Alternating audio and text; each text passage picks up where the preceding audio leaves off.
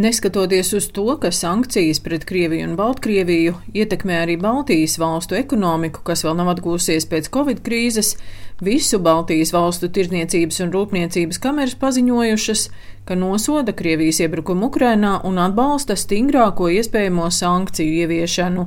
LTRK valdes priekšsēdētājs Jānis Enziņš vērtē, ka Krievijas tirgus bijis sarežģīts jau ilgāku laiku. Un mēs arī aicinājām, pirmkārt, jau diversificēt tirgus, lai, nu, lai viss solis nav no vienā kurvī. Un otrs, protams, meklēt iespējas um, citās valstīs. Un jāsaka, ka arī Baltkrievijas virziens jau zinām laiku ir bijis tāpat ar ļoti lieliem sarežģījumiem. Tā kā daudziem uzņēmiem viņi nebija kā nu, tādi uh, attīstības tirgi.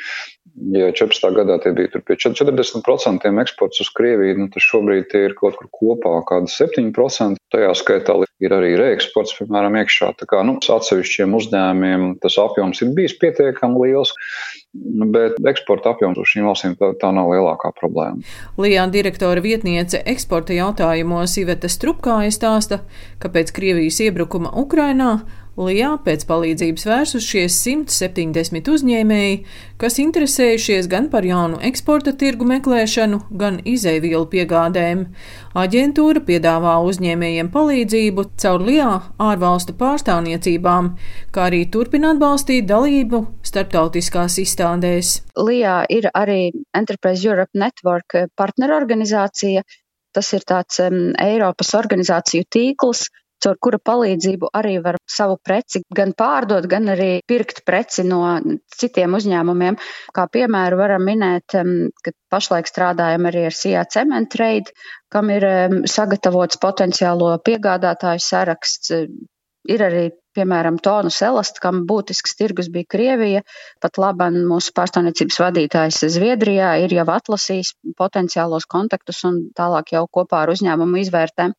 Tāpat arī mūsu pārstāvniecības vadītājs Ukrainā, kurš pat laban ir Latvijā, aktīvi arī turpina gan palīdzēt tiem Latvijas uzņēmējiem, kuriem pat laban Ukraina ir zudusi kā izēvielu vai noieta tirgus, palīdzot eh, Ukrainas uzņēmumiem, kuri jau iepriekš eh, bija izrādījuši interesi, pārceļot kaut kādu daļu no savām aktivitātēm uz Latviju. LTRK valdes priekšsēdētājs Jānis Enziņš vērtē, ka šobrīd būtiskākais ir palīdzēt uzņēmējiem atrast jaunus izēvielu tirgus. Lijā darbojas aktīvi un uh, programmas, uh, kuras jau bija vēl pirms uh, Krievijas iebrukuma Ukrainā, aktīvi jāizmanto. Un arī nepieciešamība pēc zināmām korekcijām, lai atbalsta lietas varētu izmantot arī lielāki uzņēmumi.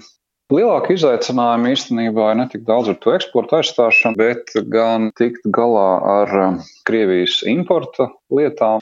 Kā mēs labi zinām, tad Krievijas metāls šeit Latvijā un Eiropā kopumā bija diezgan lielā apmērā. Gan, protams, jau mašīnu būs metāla apstrādes nozares uzņēmumiem, Nu, tajā skaitā būvniecība, par piemēru. Tur ir armatūras, stieņi un dažādas citas uh, metāla sastāvdaļas, kuras ir vienkārši nepieciešamas. Tad noteikti ir uh, arī izēvielu kontekstā dažādas ķīmijas preces, īpaši jau lauksaimniecības sektorā ir dažādas ķimikālijas un mēslojumi.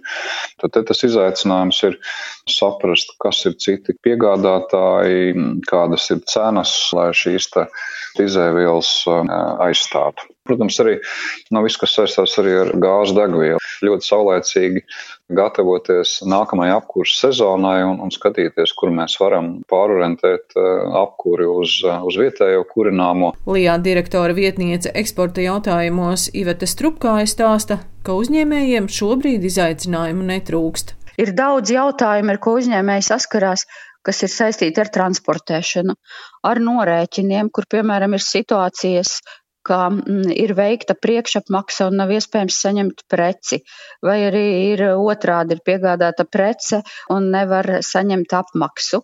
Ir kaut kādas problēmas, kur kravas ir iestrēgušas, kur ir eh, iestrēgusi nauda, un, protams, šie visi jautājumi uzņēmumiem ir aktuāli. Tāpat kā arī jautājumi par sankcijām, tās, kā zināms, tiek tikai paplašinātas, un uzņēmējiem ir jāņem vērā, ka šī situācija var mainīties un diezgan sarežģīti saprast, kādas ir šīs izmaiņas un, un, un kā tās ir jāpiemēro. Uzņēmēji pēc padomu var vērsties gan LIA klientu apkalpošanas nodaļā, gan LIA mājaslapā un valsts platformā biznesa attīstībai biznes.go.lv. Daina Zalamane, Latvijas radio.